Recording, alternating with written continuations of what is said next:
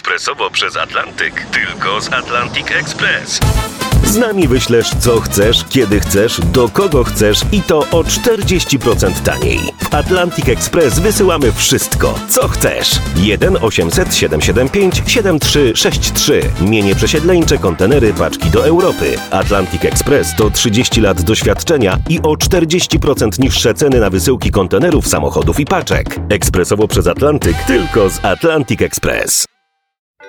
Słuchacie niedomówień, czyli rozmów niezobowiązujących Artura Andrusa. Dziś jego gościem jest pianista, kompozytor, aranżer i dyrygent Krzysztof Herdzin. Jeszcze chciałem wrócić do takich początków Twoich kontaktów z muzyką. Wiem, że to są kontakty domowe, bo wychowałeś Mhm. się w muzycznym domu. Tata śpiewak, solista. Mama też pracowała w chórze, śpiewała w Tak. chórze. I Chciałbym Cię namówić na takie wspomnienie z dzieciństwa. Czy Ty spędzałeś część tego dzieciństwa w garderobach teatru muzycznego? Oczywiście. Mam e, no, mnóstwo tego typu wspomnień. Mam jeszcze starszego brata, 3 lata i razem spędzaliśmy w zasadzie każdą wolną chwilę razem z rodzicami w operze. To była dla mnie opera w były- Bydgoszczy. Opera w Bydgoszczy. Tak, tak? o, opera w Bydgoszczy. To były dla mnie chwile, w których no, na pewno połknąłem tego bakcyla, bo niezależnie od e, tego, że zajmuję się muzyką, to kocham operę.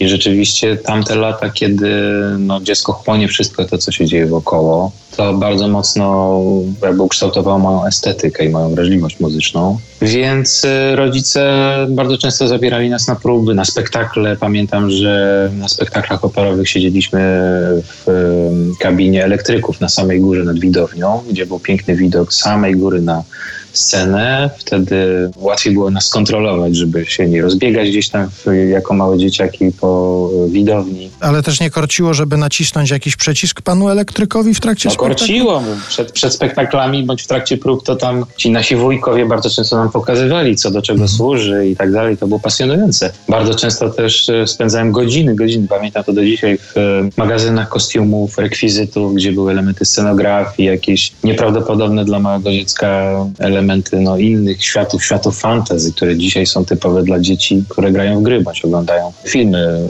fantazy. A wtedy na przykład pamiętam, jak był wystawiony w Bydgoszczy kniaź Igor Borodina. To jest akcja, która odbywa się w średniowieczu w, w Rosji i tam jest to taka cała w jednym akcie długa, długa sekwencja, gdzie jest Han jakichś Tatarów. No i oni mieli tak wspaniałe stroje i włócznie, jakieś łuki. To było coś nieprawdopodobnego. Innym razem, kiedy była na przykład Kraina Uśmiechu e, Lechara, operetka, całość działa się w Chinach, na zamkniętym dworze cesarskim. To też były, no dla małego dziecka możesz sobie wyobrazić, jeżeli możesz dotknąć, ubrać się w jakieś rzeczy, nie wiem, wziąć do ręki jakąś imitację broni. To coś nieprawdopodobne. No i cały czas ta muzyka i zapachy i perfumy i mnóstwo bl- bliskich nam wujków i cioci i tak dalej. No to, to był piękny okres, piękny czas i rozrzewnienie wspominam to i bardzo głęboko to tkwi w mojej pamięci. I miałeś na przykład ciocię Halkę?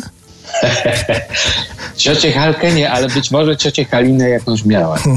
A jeszcze wracając do tych właśnie początków i do tego wychowywania się w rodzinie muzycznej, tata śpiewa, mama śpiewa.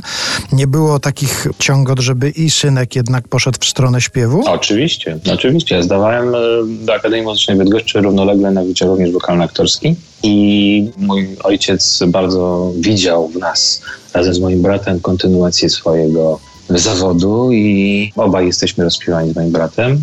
Potem no, siłą rzeczy skupiłem się na fortepianie, ale do dzisiaj bardzo dużo śpiewam i to, co wyniosłem z okresu studiów, kiedy współpracowałem z wokalistami, nauczyłem się emisji, poznałem bardzo dużo elementów techniki śpiewu, to bardzo mi się przydaje, bo nagrywam sam chórki na płytach, które produkuję. Bardzo często, kiedy pracuję w teatrach muzycznych jako szef muzyczny, przygotowując jakieś spektakle jako dyrygent, również pracuję z wokalistami nad interpretacjami roli i tak dalej. Więc ten bagaż doświadczeń mego ojca i to, co gdzieś tam próbował nam zaszczepić, na pewno bardzo silnie to na mnie podziałało. No to do rozmowy wrócimy wkrótce, a teraz kolejna propozycja z dorobku kompozytorskiego naszego gościa, z Bujnicki z suity na tematy polskie.